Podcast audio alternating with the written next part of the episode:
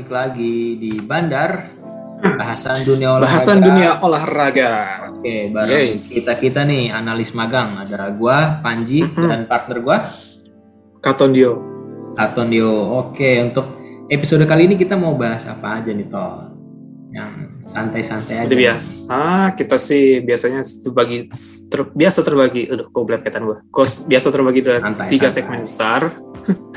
Jadi kita nih eh, kan bursa transfer baru tutup nih guys. Baru aja ya, baru aja Ah, gila. ah. Itu kayaknya transfer paling gila ya, kayaknya dia. Bursa transfer paling gila Iya. sepanjang Gua- Aduh, nggak tau lah speechless kita ya.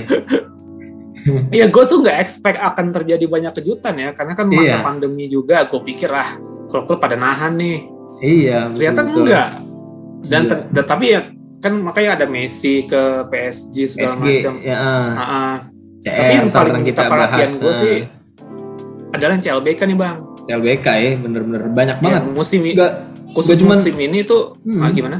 nggak cuman bola aja kan, basket juga ya. Misalnya lagi musim Betul. Lagi musim. Satu CLBK semua CLBK ya. Oh, ikut-ikutan. Tapi ya statusnya ini rata-rata orang tua semua ya udah under 3 eh ada under apa above 30-an ke atas lah. Ya, kita nih di sini bisa lihat kayak misalnya Lukaku gitu kan, Iya. balik ke Chelsea. Wah, itu Terus ada iya, Antoine. Ah. Griezmann tuh beda case tuh Lukaku. Ah. Griezmann ke Atletico lagi. Atletico. Moisekin balik ke Juventus dan yang pasti yang paling CR ke MU nih. CR ke MU gila. Mantap kan ya.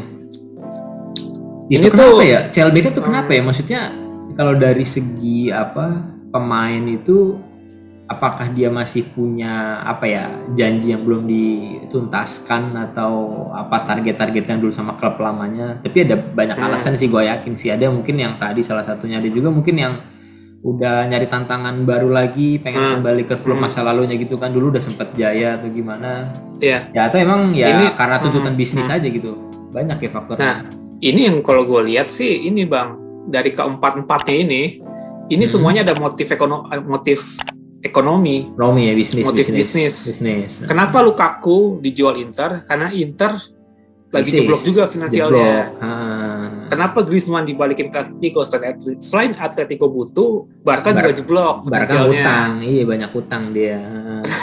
Kenapa Juventus lepas Ronaldo? Ah. Itu karena juga sama ini, kan- iya gajinya Dan akhirnya dia beli ya. Mosekin yang Ah, lebih murah. Nah, sih penerusnya Cuman- katanya ya. Nah ini eh Moisekin tuh gini ya, ah, gimana ngomongnya? Jadi Juve ini mengganti sosok mega bintang Ronaldo yang biasa cetak 23 gol, 30 gol 30 semusim dengan pemain muda yang masih butuh pengalaman. Menurut gue kayaknya sih hmm, Moiskin tuh dulu ini mereka- ya Juve juga ya sempet ya Nah, iya gini Bang. Jadi akademi apa ini sih sebelum- tapi kayaknya PSG sempet juga dia no no no. awalnya Juve ya akademi Juve ya? Gue lupa akademi mana, tapi pokoknya intinya itu dia wonderkid, wonderkid potensial. Terus pas Di- Ronaldo datang di- kegeser. Oh iya iya. iya. Kayak Iya. Sebelumnya kan dari Everton kan ya dipinjeminnya ya pinjemin mau dijual sih. Eh, dijual ke Everton, Everton, Everton, ya? minjemin ke PSG musim lalu. Oh iya Pansen oke oke. Sebenarnya ini pemain Allegri juga. Harusnya Hmm. sih Allegri bisa memanfaatkan dia ya. Karena Hmm. karena waktu itu kan yang ngorbitin juga Allegri. Cuma per- pertanyaan gue apakah dia sudah siap musim ini untuk meng, meng- karena kalau katanya kemarin katanya Bayar Christian kepercayaan Vieri, lagi itu ya. Iya, mantan pemain Juventus sama Inter Christian Vieri, dia bilang ini nih susah nyari pemain yang bisa gantiin jumlah Susah golnya lah. Ronaldo, Iya nambelnya susah. susah. Mosekin ya, ya paling pasti bisa golin, cuma mungkin nggak sebanyak Ronaldo ya. Tapi sebenarnya ini Tam- sih? hmm, gimana? Sebelum sebelum CR itu kan sebenarnya Juve Nah. eranya Allegri ya itu sebenarnya kan ya Nah. produktif produktif aja ada Dybala terus dulu zamannya Mandzukic ya terus Higuain Nah. siapa lagi lah pokoknya maksudnya waktu itu kan katanya mau ganti era lah gue nggak tahu juga sih waktu itu Allegri apa mengundurkan diri atau enggak uh, meninggalkan Juventus itu karena Hmm. apa kan akhirnya kan bangun era Hmm. sama Sari itu kan ya terus enggak ini juga Pirlo akhirnya digadang-gadang eh akhirnya Hmm. balik Allegri lagi jadi kayak proyek Ale- Hmm. Allegri yang belum kelar gitu tapi sebelumnya maksudnya mainnya Juve itu sebenarnya udah keren-keren kan ya mungkin emang nggak ada sosok yang individual Hmm. menjanjikan 20-30 gol per musim tapi dari Hmm. kolektivitas terus mungkin uh, defense-nya segala macam lini tengah dulu zaman zamannya masih ada Marcisio lah gitu gitulah ya Marcisio. Tapi sekarang sudah Iya. udah, udah lama itu ya Ya. pokoknya yang di tengahnya masih masih Tapi iya, oke benar, lah. Hmm. Yang sampai juara 9 kali beruntun makanya kan. Ya Cuman itu. Makanya. Itu dia makanya. Ya itu tadi. Eh, ada plus minusnya juga mungkin yang ngejual eh, CR ini dari Juve ini. Justru yang pengen gue lihat di bala bang. Karena gini bang eh Juve Allegri bisa bikin in- eh, Juventus juara beruntun itu selalu ada ujung tombak. Ada pernah ada Hmm. Carlos Tevez ya ingat kan lu. Terus habis oh itu iya Tevez ya ganti Tevez sempat sempat nah. Habis itu ganti Higuain. Higuain. Habis itu, habis itu Ronaldo. Nah. Di bala sebelum Ronaldo datang itu bisa semusim sebelum Ronaldo bisa nyetak 22 gol di Serie A. Mhm. Nah, Nah, di Palermo datang- jago dia kan di bala anjir di Palermo. Iya, dan di Juve sepertinya makin jago lagi. makin jago Nah, lagi. pas pas Ju- Ronaldo datang, jumlah golnya nurun. Nah, sekarang gue pengen tahu nih, Allegri bisa nggak balikin Dybala kayak sebelum ada CR? ada CR ya Jadi ajung tombaknya udah Dybala aja. Karena kalau Andre Morata sedih pak. oh iya Morata Morata kan dulu gitu tuh ya. angin-anginan ya maksudnya sempat dibilang angin-anginan. bagus di mana waktu itu ya sempat Chelsea bagus katanya terus Madrid juga Awalnya sempat menjanjikan waktu yang periode kedua ke Iya. Madrid kan terus ya akhirnya hilang lagi oh Milan juga sempat kayaknya ya sebentar doang ya Kayaknya enggak ya gimana enggak ya, kalau waktu di Chelsea itu kalau nggak salah karena gue baca nih kalau nggak salah itu kena mental gitu bang. Jadi Oh, ya ngedrop terus dibully lah biasa netizen segala macam iya. udah gitu. Nah itu konsistensinya dia yang ngeri sih sebenarnya. Iya makanya ini dibalas sebenarnya bisa aja nih kalau ngeramunya Dibalas oke sih. nih maksudnya. Tinggal Hmm, dibala ini. Betul-betul kita lihat aja nanti musim depan gimana Juve ini. Iya nah emang terus masih jago lah main mudanya banyak. Mm-mm. nah sekarang kita bicara soal ini bang. Ronaldo nih. CR nih wah gila. Dulu berjaya di MU Hmm. melanglang buana ke Madrid terus ke mana? Juve. Nah, balik lagi ke MU Eh, dulu sebelum MU ini ya Sporting Lisbon dia pertamanya ya? Ya Profesional itu kan- pertama ya? Ah, ah, official pertama Iya. Sporting. Nggak juara bang di gue bukannya bukannya gue sentimen gue fans Arsenal ya maksud gue ini serius ini maksudnya Ya. bahkan Gary Neville aja bilang CR nggak bisa bikin MU juara bikin Susah. pemain muda jadi gede Susah. bisa bisa bisa ya karena kayak kayak kayak gue pernah bilang deh kalau Ronaldo deh MU itu nggak butuh Ronaldo MU itu harusnya pakai duit mereka buat beli holding midfielder apa gelandang oh bertahan. ya, gelandang bertahan justru itu krusial banget sekarang. Maksudnya kalau prestasi winger striker itu sebenarnya udah bisa. Martial Rashford ada Sancho di samping Kira-kira- samping Mason Greenwood. dia jadi starter nggak ya? Atau cadangan ya? Menurut gue sangat bisa menurut gue sih de- dengan lu eh Ronaldo kemarin habis nyetak apa gol tuh di dua Portugal kan Ah, di yang terakhir 111 terakhir gol. juga tuh. Ah, itu membuktikan dia eh, masih Euro, produktif kualifikasi Euro. secara Ah, mental pun masih bagus. Masih. gua rasa sih bakal starter. Starter ya. Dan iya. Cuman kan emang usia nggak bisa bohong ton. Maksudnya kayak apa dia udah 36 kalau nggak salah kan. Ya. Oke, dia mungkin tendangan masih kenceng, fisik dia bagus ngejaga, tapi Hmm. dari segi apa ya? Misal dulu kan dia terkenalnya ini ya, larinya cepet kan, larinya cepet, Ya. terus skillnya tuh gocek-goceknya, ah, ah, makanya Hmm, pas kita akan melihat kan. Ronaldo kembali dengan gocekan-gocekan itu, Enggak. gue sih nggak yakin bisa Enggak, gitu enggak. karena Ronaldo akan iklimnya ke dia striker aja ah, striker aja udah di jadi ujung tombak dulu kan dia winger tuh bisa lincah eh, apa mobilitasnya sekarang kayaknya udah di depan aja dan nggak tahu kayaknya malah susah ngebantu defense ya agak males maksudnya gitu kan buat mundur kayak nah, itu itu itu itu makanya makanya sebenarnya ya inilah yang akan jadi bumerang bagi MU musim ini gue rasa itu Ronaldo nggak akan nggak akan menjadi kartu as malah jadi kartu mati bisa itu ya Tapi mengerikannya di situ Penting kan bisnis naik, MU kan penjualan saham naik, merchandise naik, bisnis. Ya, Ya, paling alasan lah iya gitu. iya iya iya iya benar-benar. Gak apa-apa baru semusim Ronaldo belum menunjukkan gini-gini ya. Gitu. Hmm. Tapi ya pasti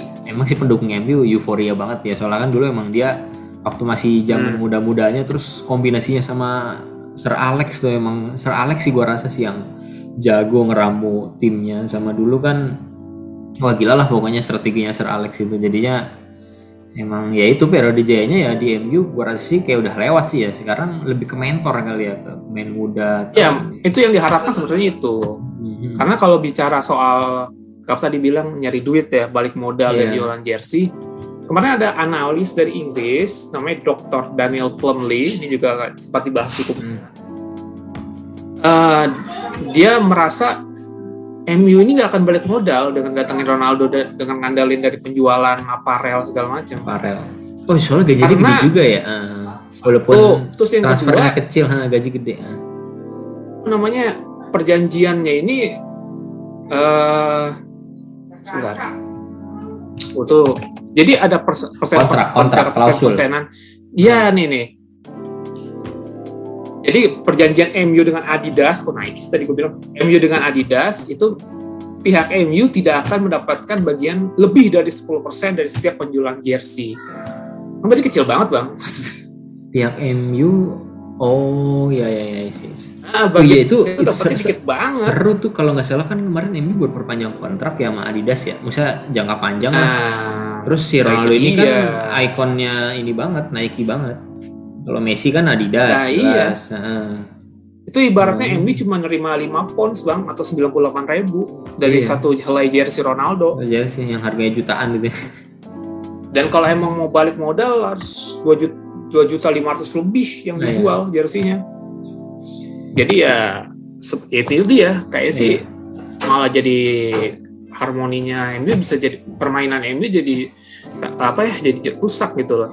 Dan gue Iya. bilang tadi kan mereka lebih butuh gelandang bertahan karena sekarang Scott McTominay itu gelandang bertahan terbaik mereka tapi lagi cedera. Cedera. heeh. Nemanja Matic udah Matic udah tua ya, lambat ya. Kayak dulu tiga-tiga udah, Chelsea. udah, udah heeh.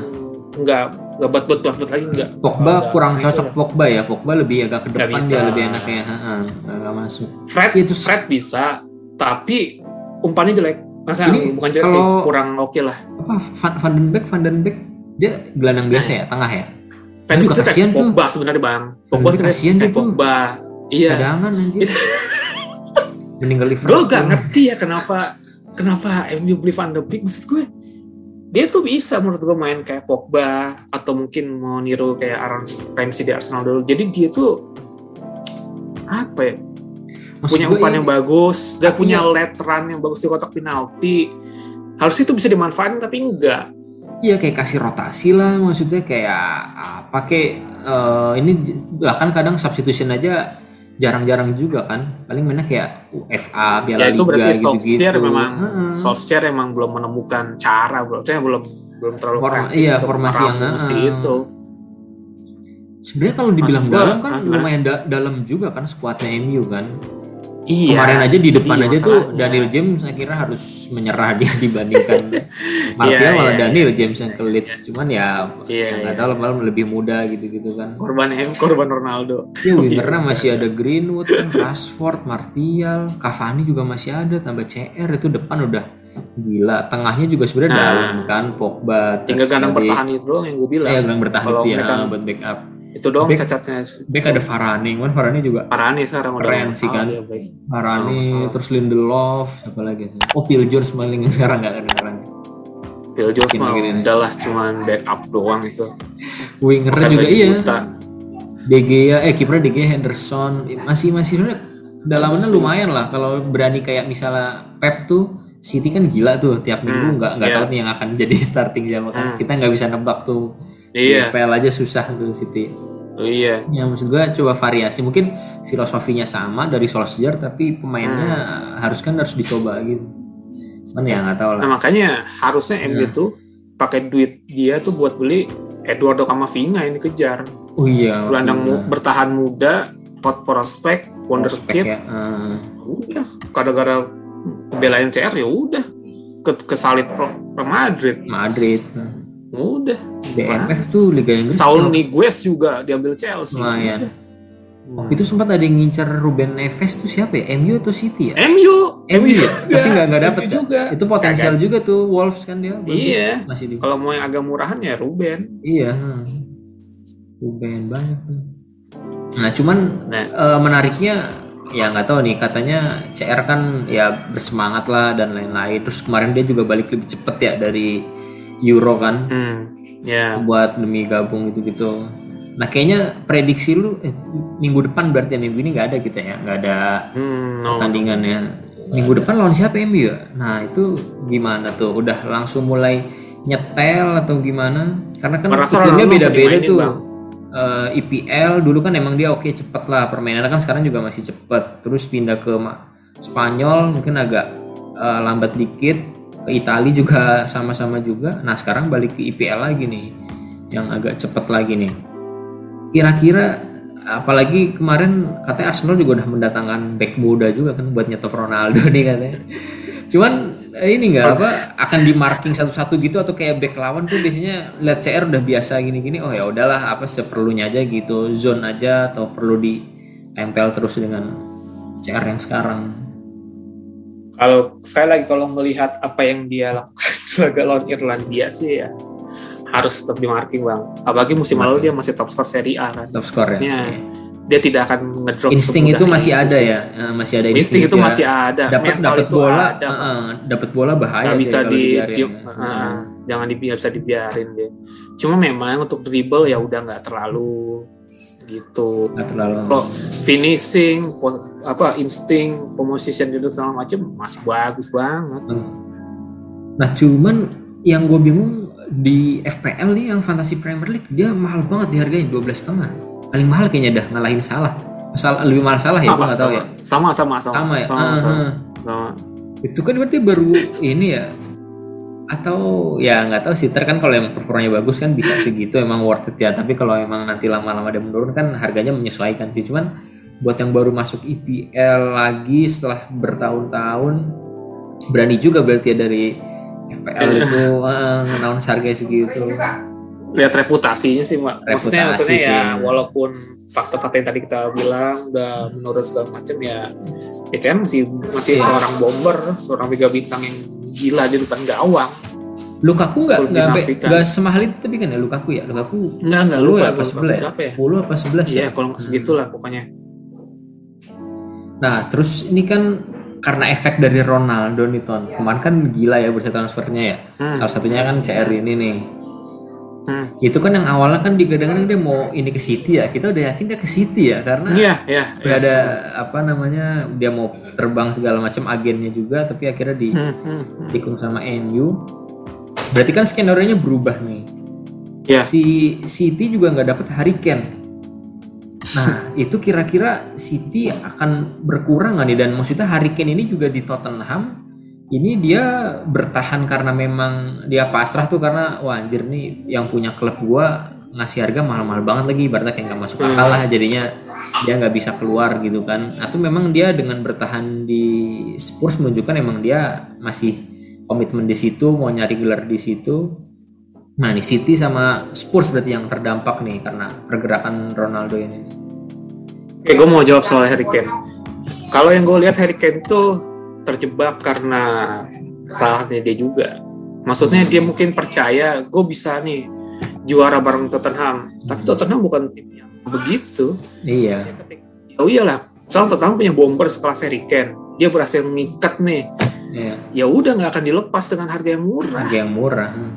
Itu kontrak sampai Bale 2025 juga ya? apa ya kalau nggak salah. Iya. Kontrak masih lama juga ya. Lama. Jadi dia terjebak di situ udah mau gimana? Iya. emang salahnya dia apa namanya apa namanya perpanjang kontrak di tim kayak gitu Waktu itu oh, ya mungkin berapa Yang tahun kagak kemarin. ada. Heeh.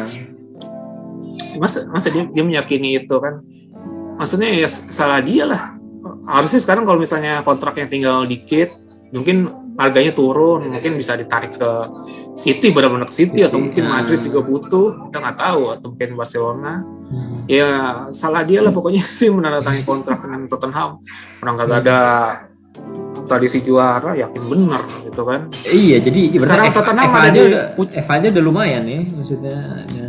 Tottenham tuh terakhir kali juara musim 2007 2008 Piala Liga Inggris udah dulu namanya Piala Carling Oh ya Carling nggak pernah belum juara ada lagi belum ada ini lagi. ya.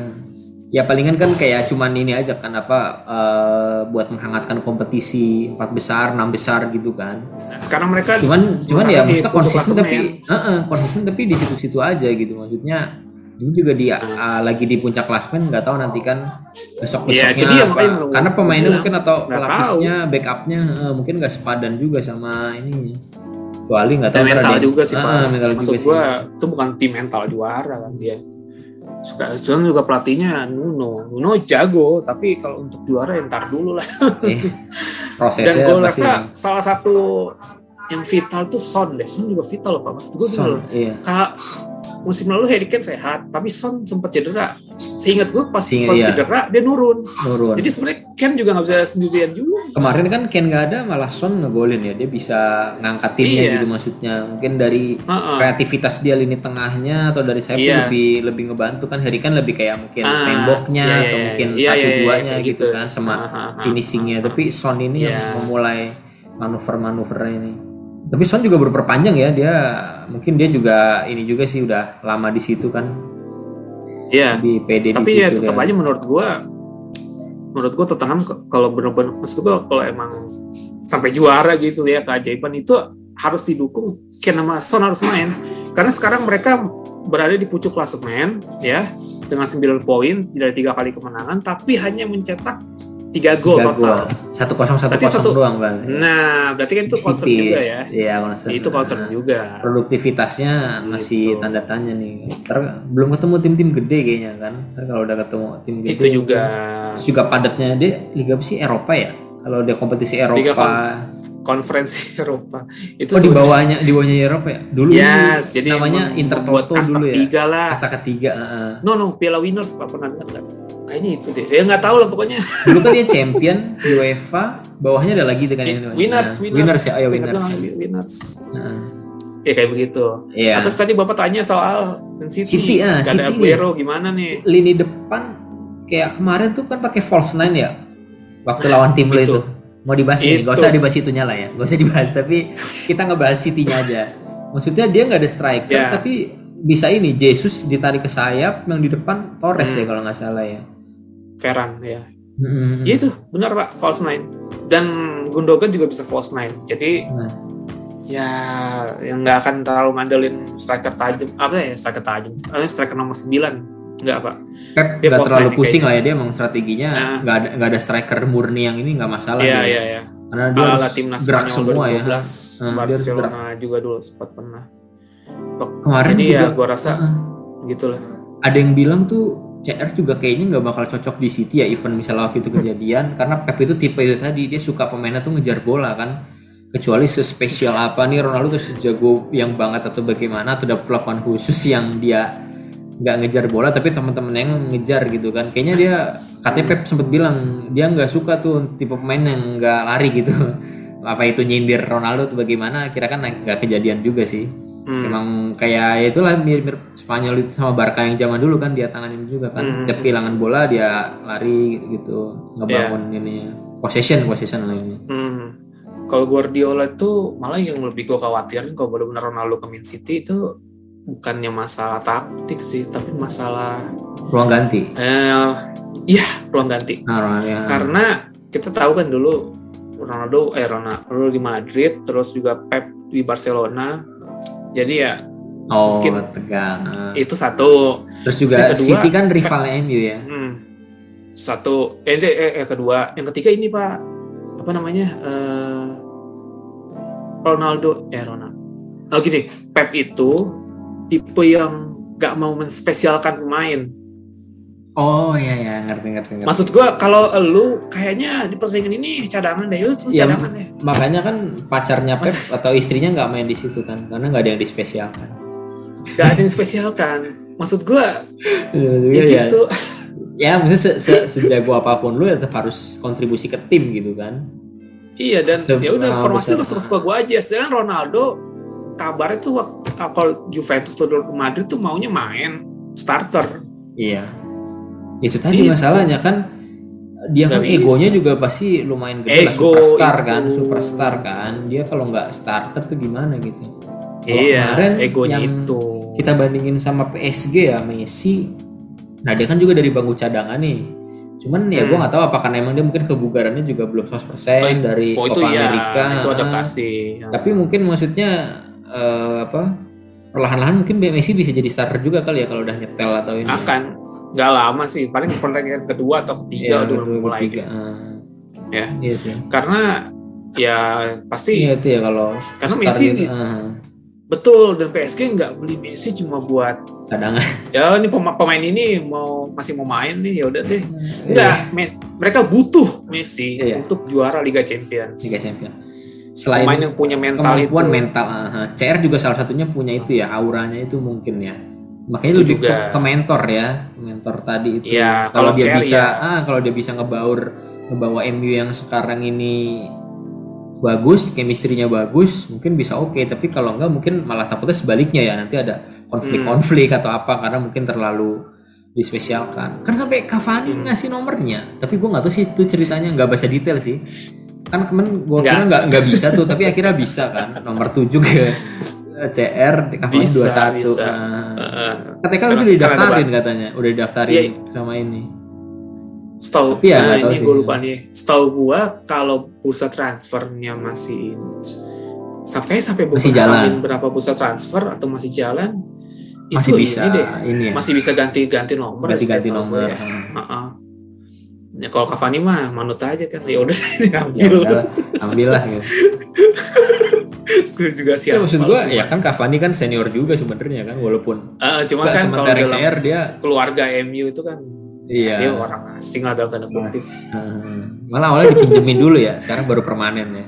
Ah, ah, ah, ah. Iya. Takutnya itu semoga ya ruang gantinya sih aman-aman aja kalau enggak wah bisa Hmm. ini juga malah friksi-friksi nanti enggak.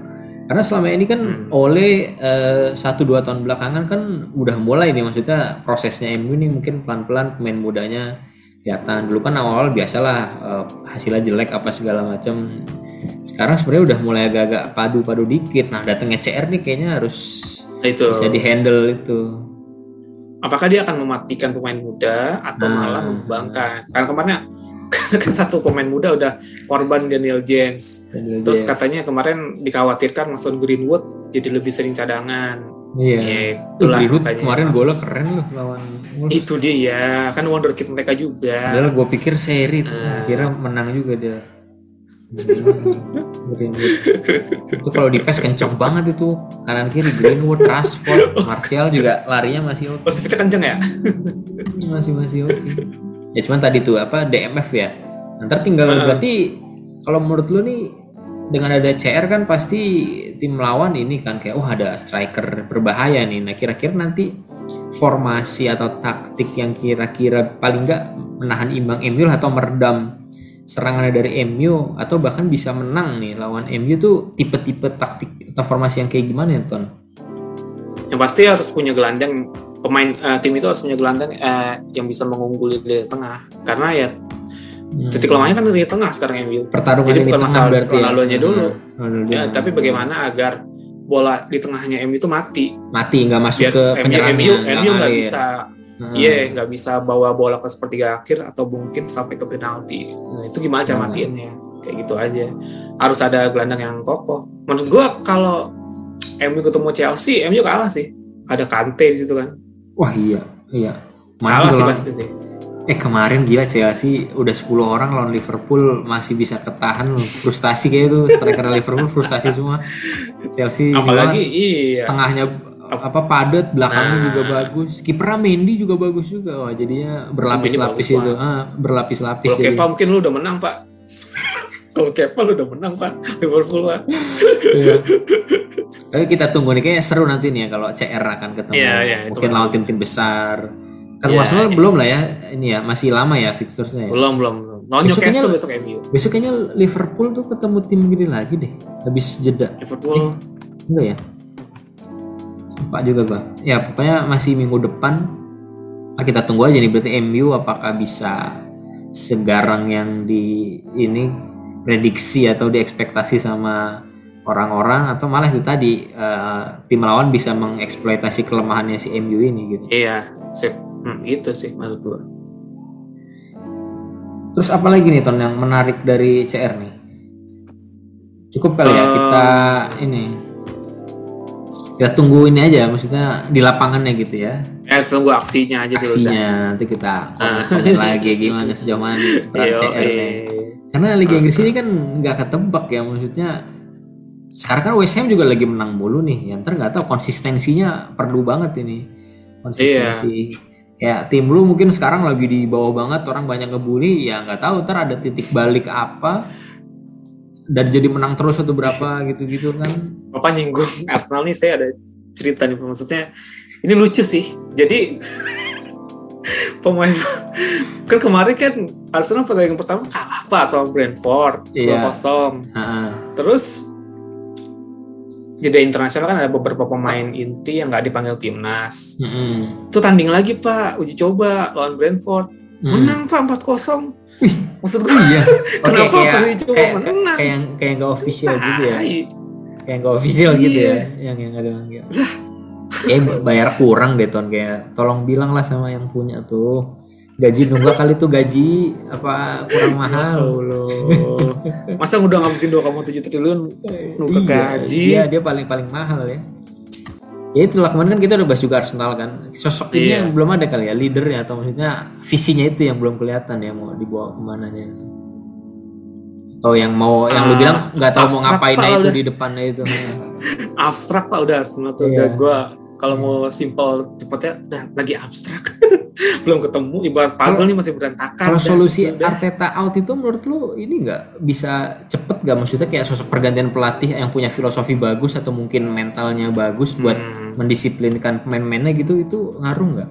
Kan Arteta sebenarnya juga hitungannya kan 2-3 tahun ini jadi pelatih utama kan dulunya kan juga asistennya Hmm. Pep kan Asisten yang juaranya kan. Hmm. heeh. Iya. Mungkin bebannya apa terlalu berat atau Hmm. gimana? Dia hanya maksudnya dia pede dengan oh gue pede ya nggak apa-apa nggak apa-apa dia berani ngambil tanggung jawab tapi kan tetap Hmm. fans lama-lama kan juga sama pemilik klub ada kesabarannya juga mungkin. Nah, apakah dengan cepat ini masih awal musim nih tiga pertandingan, empat pertandingan besok nggak bagus juga langsung diganti. Nah, menurut lu gimana bisa seinstan itu kah? Buat paling nggak mendongkrak dulu nih. Kalau gua pribadi menilai kalau Arteta out, kalau emang Arteta harus dipecat, maka yang harus ditarik Arsenal adalah Conte. Gue spesifik Anthony Wah, Conte. anjir. Iyalah itu Conte gila. Gua- Spesifik gua. Kalau nggak yang lain mah sama aja. Conte Ya. ke Liverpool gue juga mau Karena- sih. Jadi, eh, karena aduh Arsenal ini kan ibaratnya apa ya? Tim yang belum menemukan bentuk permainan, tim yang gimana? sekarang skuadnya numpuk di setiap Numpuk, posisi kan. banyak banget pemain. Main. Sekarang siapa nih yang bisa Bro, ini tim mainnya begini, pemain intinya yang rajin main ini ini ini, ini. Ya mungkin tidak langsung juara, tapi setidaknya punya visi dulu. Dah, Visi gitu. dulu. Itu Conte. Kalau kalian mengatakan mau coba Conte. Hmm. Punya pengembangannya ya maksudnya Kalau ada iya. grafiknya lah itu kelihatan Dan gitu. ya pengembangan secara cepat ya. Ya Conte, gua nggak kalau yang lain gua nggak tahu. Pesimis juga, mending gak usah dipecat. Kayak sama yang, aja. yang lagi nganggur siapa ya? Conte ya? Zidane, yang nah. Zidane oh, enggak. Eh, Zidane susah Enggak, enggak. Susah, Pak. Siapa Dia lagi pernah ya? tahu Liga Inggris. yang masa Wenger balik lagi ton kemarin Wenger Ada itu pemain itu si Dortmund, mengunjungi Lucien Favre. oh yang Favre ngomong-ngomong soal Wenger, Wenger komentar loh soal Arsenal. Iya. di vlog ini. apa dia sedih dia Dia oh gua bilang, tinggalin nih yang nerusin gak ada sih Gak ada yang bisa nerusin ajar nih. padahal dulu zaman gua katanya empat besar itu udah paling jelek ini giliran gua nggak ada sengaja gua nggak perpanjang eh malah lu Nggak apa dia optimis pak. Ternyata dia menunjukkan optimis. Jadi dia yakin Arsenal ini sebenarnya udah baik. Cuma kemarin lawannya susah. Dia ngomongnya gitu. tapi emang ya langsung berat sih ibaratnya dua lawan dua tim gede Iya. kan paling yang mengejutkan kan lawan Brentford aja kan Iya, iya. Chelsea kan emang lagi bagus, City juga bagus, Ya, juara tahun lalu. ya. Heeh, dia emang masih ketemunya. Nah besok tinggal lawan Newcastle nih, apakah udah mulai ini nggak ibaratnya Norwich. kayak eh, eh, Norwich ya? Lawan Arsenal Norwich, ya? Pak. Tim promosi lagi. Ya harusnya Aduh. momentum sih nih. Iya. Ya, tanpa mengesampingkan Norwich, ya harusnya momentum sih. maksudnya Mau- kalau pemainnya juga lagi? Pemain yang nggak pada sadar, nggak pada bangun, susah juga maksudnya kan. Ayo nih misalnya kayak lu mau masih dipermaluin gini-gini kan, misalnya kan Ya, main Arsenal juga jadi bulan-bulanan juga gitu. Tapi bisa lah Arsenal sih karena filosofinya juga udah lumayan oke. Nggak nyampe degradasi Ya, itu dah. maksud gua gitu kan. Sekarang kan emang Enggak, lagi di degradasi bawah. ya. Kalau beneran degradasi wah gila gempar dah tuh. Mu- Jangan kayak sih. maksudnya itu aneh banget kalau degradasi maksud gue timnya degradasi tim besar yang degradasi tuh biasanya punya masalah finansial terus akhirnya pemain bintangnya pergi lah ini pemainnya bintang maksudnya pemain mahal Atas skandal. masa degradasi goblok banget Atau ya, lah intinya lah. Eh ngomong-ngomong degradasi tuh ada tuh dulu Jerman Schalke, lu tau Schalke kan? Tapi nah itu lagi emang, terpuruk memang tapi emang terpuruk. berapa? Tapi itu berapa musim memang jelek sih. Iya. Soalnya kan musim lalu kan masih bagus. Schalke tuh kan pemain pemain binanya bagus Schalke kan. Dulu kan sempet juara Liga Iya. Jerman, terus juga empat besar lah langganan gitu kan. Terus mungkin Hmm. akademinya bagus tapi banyak dijual-jualin sama mungkin Hmm, pembinaannya hmm. nggak nggak Hmm. merata nggak nggak konsisten akhirnya sempat lolos dari degradasi musim lalu ya eh, musim sebelumnya Ah. lagi kemarin akhirnya degradasi terus ngamuk-ngamuk fansnya kan gila bisa sampai itu menurut degradasi nah, ya menurut gue itu bad business sih maksud Iya. gue boleh kayak gitu lu punya akademi bagus jual pemain. Tapi lu harus beli pemain yang bener juga duit Iya. duit dari situ. Ya bukan bukan pemain yang bisa bawa lu juara tapi bertahan. Tahan hmm. yang bagus kayak gitu kan Dortmund. Oh iya Dortmund. Selalu pemain muda dibeli bibit-bibit. diorbitin diorbitin dijual mahal dia beli pemain yang bisa Lagi. bekerja bertahan. Tahan lu lihat. Haaland kalau dijual berapa ratus juta nanti wah euro? gila gila. Pasti. Halan masih mungkin dia masih penasaran juga kali kalau juara bisa jadi pindah kali ya. Pindahnya ke Nah, Munchen iya. taunya. Sama juga kayak Lewandowski. Dulu Masalahnya kayak itu udah juara, masalahnya Lewandowski sa- Lewandowski udah 30 lebih. Dan dia bilang saya ini mau centangan baru. Saya nggak mau perpanjang kontrak. Nah ya udah. Iya, iya. Kalau Halan tergoda tuh malas gak sih kalau pindah ke Munchen, Munchen udah bagus banget. dia habis beli Marcel Sabitzer dari RB Leipzig. Sabitzer ya. Ya udah juara lagi dah RB Leipzig dikembosi dalam tanda kutip Wah gila gila gila. Emang bursa transfer Hmm. kali ini inilah ya nggak terduga banget. Ntar kita Iya. tunggu aja berarti aksi-aksi mereka Sip. di lapangan nih. hmm, iya iya. Apakah jadi pembelian yang uh, berhasil atau malah flop kan kita nggak tahu kan nanti kan. Hmm, hmm. Oke mungkin terakhir biasa nih tahun kita flash news. Flash nih. news. Apa aja nih? Kemarin kita udah update Paralimpiade ya. Ngirim berapa Kita update lagi. Indonesia. Ah, Nah prestasinya kita sekarang gimana udah koleksi atlet 5 kita? medali Wih mantap. koleksi 5 Wih. medali pak Lima medali sama kita- kayak sama kayak Olimpiade berarti ya? tapi Oh, saya dari belum jumlah. ada Dari jumlah iya. dari jumlah ya Nah, ya jadi kita mengoleksi dua perak dan dua perunggu dua perunggu.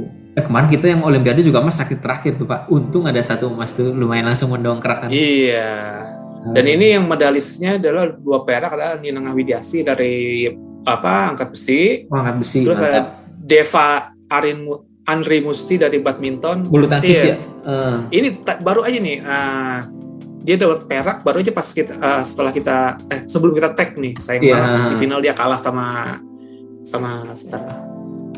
ada tuh kemarin gue sempat lihat ya. yang jago. Gue sih jarang lihat para Paralimpiade ya. Tapi waktu itu sempat lihat gue yang peringkat satunya tuh Mais. bulan satu Perancis bukan ya beda itu beda kategori kali ya. Gue nggak hafal juga sih kan ada kategori-kategorinya kan. Ada yang pakai wheelchair, ada yang ini.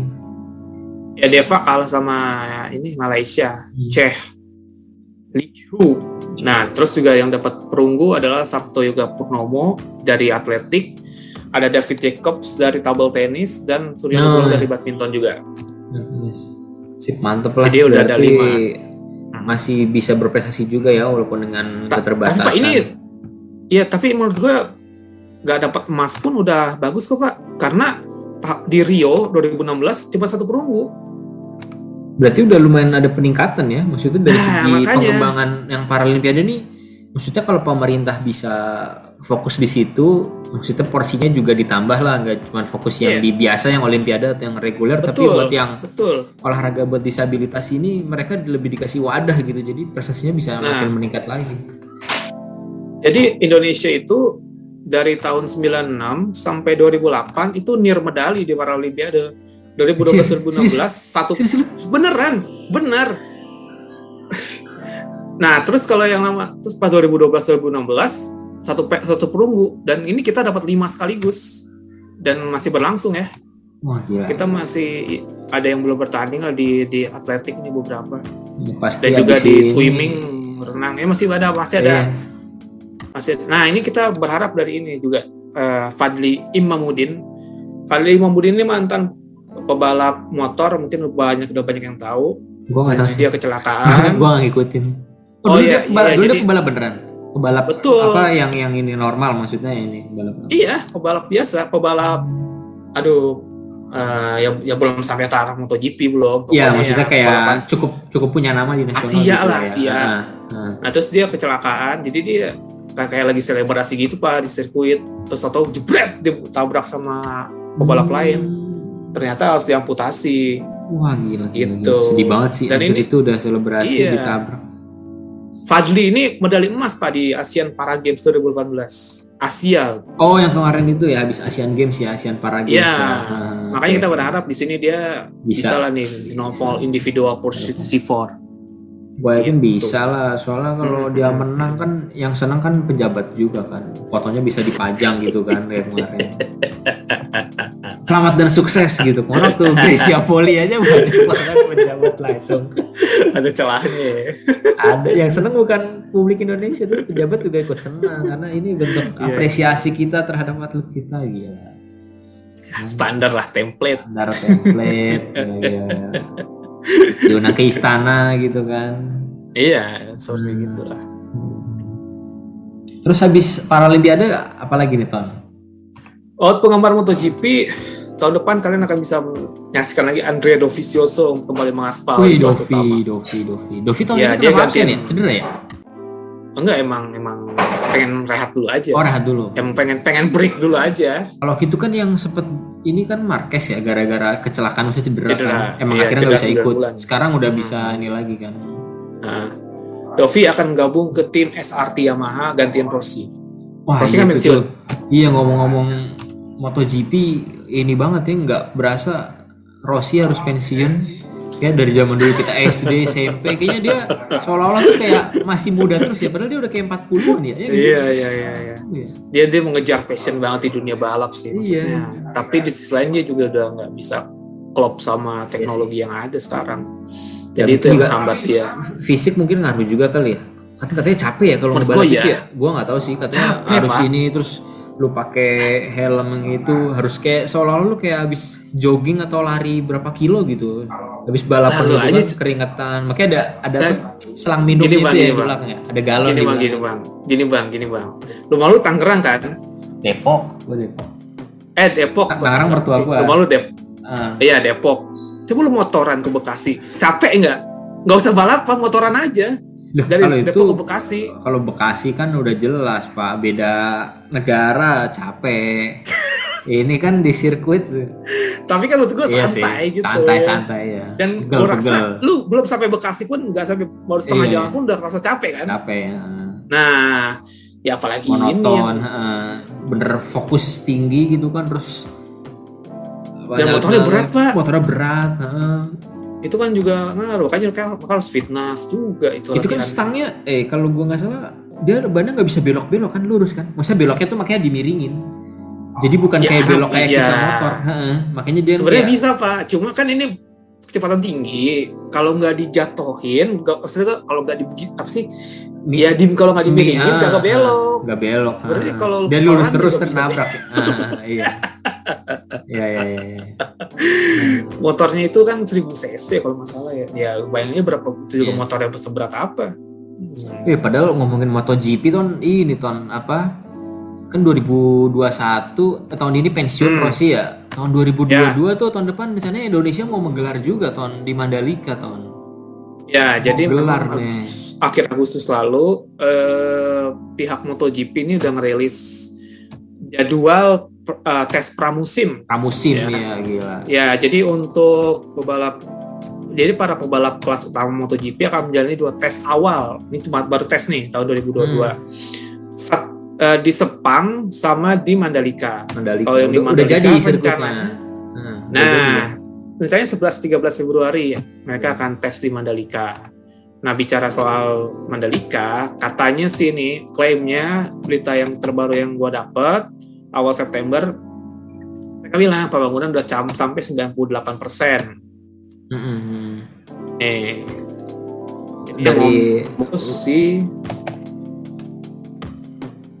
kayaknya orang Dornanya juga udah ke sana deh Oh, Dorna iya. yang bawahi MotoGP kan ya udah Betul, survei betul. waktu itu bareng Hmm, sama hmm, hmm. orang proyeknya PP apa kalau nggak salah ya Terus kan kalau Ya, jadi nih, infrastruktur kan juga udah dibangun juga tuh bandara udah digedein terus kawasan Bandara ya. pariwisata di sana hotel-hotel juga udah mulai banyak dibangun karena kan gila kalau MotoGP sampai puluhan ribu orang kali ya maksudnya Ya, itu dia. ya perlu penginapan transportasi dan lain-lain bahkan katanya dengar-dengar rumah sakit. November November iya rumah sakit juga uh, perlu sih buat kesehatan ya November ini World Superbike juga mau diselenggarain katanya Ton cuman ini nanti Ya, perlu ah, kita kulik lagi sih uh, resminya apakah lagi. official atau Resminya enggak gimana? Nah, World Superbike lumayan bergengsi yang- juga sih Oh iya, Hmm. ya ini yang ngomong tuh Direktur Strategi dan Komunikasi dari Mandalika, proyek Mandalika ini, Bapak Happy Harinto.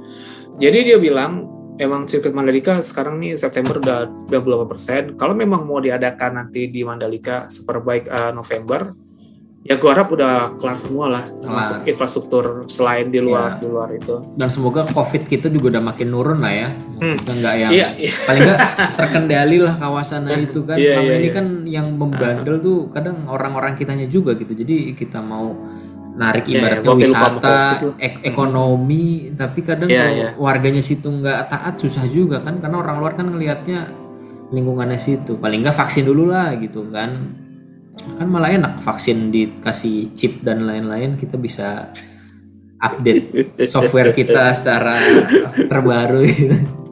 Ya Jakarta nih kan Iya, kita iya, udah iya. link target paling nggak warga sana Lombok Mandalika udah 90% lah itu udah oke sih kalau Ah, vaksin. iya. Jadi Eh, dari luar juga ngeliatnya lebih safe kawasan sana. Karena kan nanti kan infrastrukturnya gitu yang Hmm. jadi kayak karyawannya petugasnya kan orang lokal sana kan. Itu yang kita paling Iya, nggak iya. membangun citranya keluar tuh kita aman dulu nih untuk menyelenggarakan event. Nah, gue yakin kalau Superbike ini aman dari segi prokes Iya. dan lain-lainnya ya, terus infrastruktur Hmm. aman, event-event gede lain Hmm. tuh kita makin dipercaya lagi gitu. Termasuk juga dari Hmm. luar mungkin wisata pelan-pelan berdampak yang lain lah gitu kan. Kita bisa nyelenggarain Iya. event gede yang lain bisa olahraga-olahraga, mungkin penonton juga udah mulai boleh sedikit gimana. Gitu, Pak. Iya, gua rasa begitu. Apa namanya? Infrastrukturnya harus lengkap dulu lah. Maksud gue jangan jangan juga pandemi corona, gue sampai lupa sama faktor corona bang. Jadi ya semoga corona udah turun sih. Maksud gue Kayak- jangan sampai naik lagi November.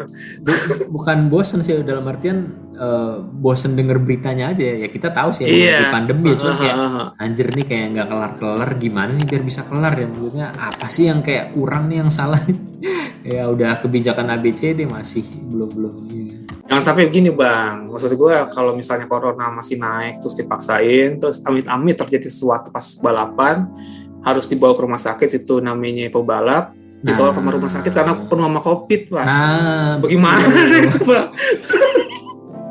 Pebalap ini tewas karena rumah sakit penuh covid lah. Aduh pebalapnya malu pak. pe- pebalapnya cuma sampai IGD doang ya maaf pak kita lagi penuh ininya bapak kalau mau di IGD aja jadi di IGD balap semuanya yang di ruang tunggunya bangsat. Udah gitu pas pas resepsionis mohon maaf pada BPJS lah. Oh BPJS pak ini. Ya, Ya, itulah yang lah, ya, itu, ya. itu itu pasti akan rame sih ke internasional. Ya semoga kalaupun memang Iya, jadi ada iya, event-event iya, itu kita udah siap lah dari segi Iya. protokol dan lain-lainnya itu Hmm, siap hmm. gitu. Itu Pak. Oke nih wah udah nggak berasa udah lama juga nih Pak. 40 Ah, menitan ah. juga nih kita nih. Ah, udah Udah apa lagi, masih Pak. mau lanjut nih? Kita sudahi aja dulu ya Pak ya. Nah sudah dulu Nanti ya. minggu depan kita cari-cari lagi, update Hmm, lagi sama mungkin kayaknya kita Oke. perlu bahas ini nih apa basket belum banyak disentuh nih Pak. Ya makanya saya tadi mau ngajakin itu Men- menyambut- soal Ah, Gitu. menyambut musim musim baru Hmm. NBA masih lama sih Oktober tapi kan sekarang udah September, ya September Se- sekarang. se- sebulan Hmm. lagi.